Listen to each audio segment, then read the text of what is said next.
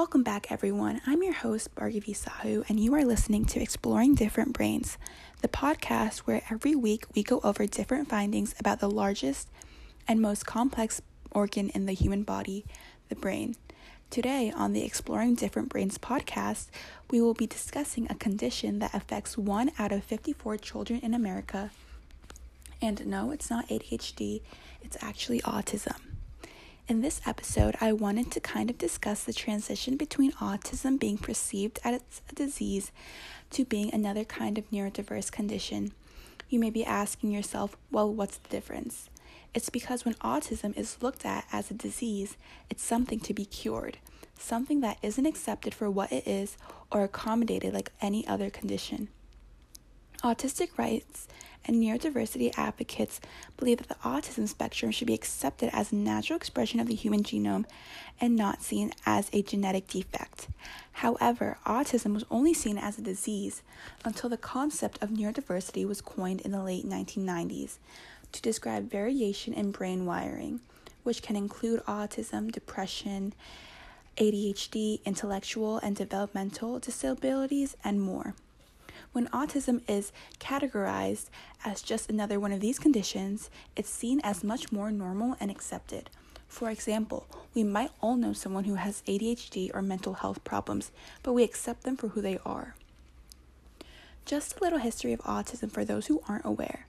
Bruno Bettelheim developed an explicitly Freudian explanation to, ac- to account for the cause of autism, which was that autism arose in infancy when re- in response to rejection from an emotionally distant, although typically well educated parent, whom was referred to as a refrigerator mother.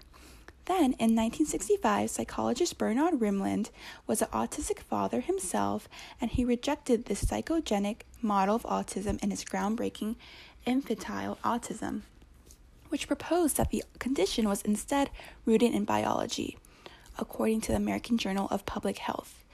Treatment used for autism in the 1960s and 1970s consisted of LSD, electric shock, and behavior change that focused on pain and punishment. And it wasn't until the 1980s and 1990s that we started to see more modern therapies for children with autism, such as behavioral therapy focusing on positive rewards and controlled learning environments. In 1998, a study was published that the measles, mumps, rubella MMR vaccine causes autism. The study was later debunked but got enough ten- attention to still cause confusion to this day and has caused a lot of anti vax. Nowadays, researchers have reconceptualized autism as a neurodevelopmental condition, having the cause of autism is fundamentally biological and no more attributable to parental behavior than is to sound, um, Down syndrome or something like that. And it is quite evident from the history of autism that there has been a lot of confusion in the concept of autism, with things constantly being disproved and new ideas coming up. It is important to discuss this transition as we can see how terribly those with autism were treated and outcasted. In current day, there is an autism rights movement, which is a social movement within the context of disability rights that emphasize a neurodiversity paradigm, viewing the autism spectrum as a result of natural variation in the human brain rather than a disease to be cured. The neurodiversity movement follows the social model of disability, which focuses on removing access barriers in society so that disabled people can be included, rather than fixing disabled people, which is the medical model of disability. There are a few perspectives that autism rights people believe in, which is that autism is a disability, not a disease. And actually, a fun fact in an interview with Dr. Temple Grandin, he had speculated that an autis- autistic caveman probably invented the first spe- stone spear, and that if autism was eliminated, society would lose most of its scientists, musicians, and mathematicians. Another point is that autism is a spectrum, and that those with Asperger's syndromes can function normally, unlike low functioning autism. These labels allow for autistic individuals to get proper consultation and treatment since it is not a one size fits all condition. Nextly, the belief that autism doesn't need to be cured, as it is a natural occurrence like an alternative variation in brain wiring or a less common expression of the human genome.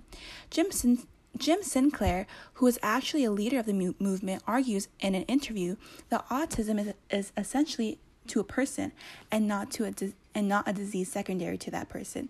And so, to wish that an autistic person could be cured is equivalent to wishing that they would disappear and another completely different person exists in their place.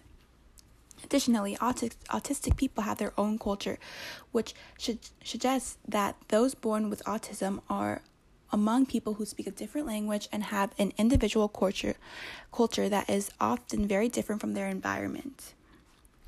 This autism rights movement plays a crucial role in the continuation of transitioning autism as a disease, something to be cured, to a neurodiverse condition that should be accept- accepted.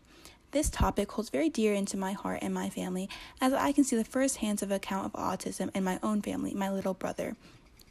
It is nice to see that many people feel the same way and are transforming into a society that will continue to accept people for who they are.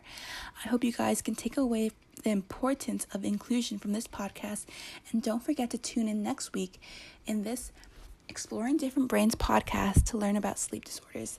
Thank you.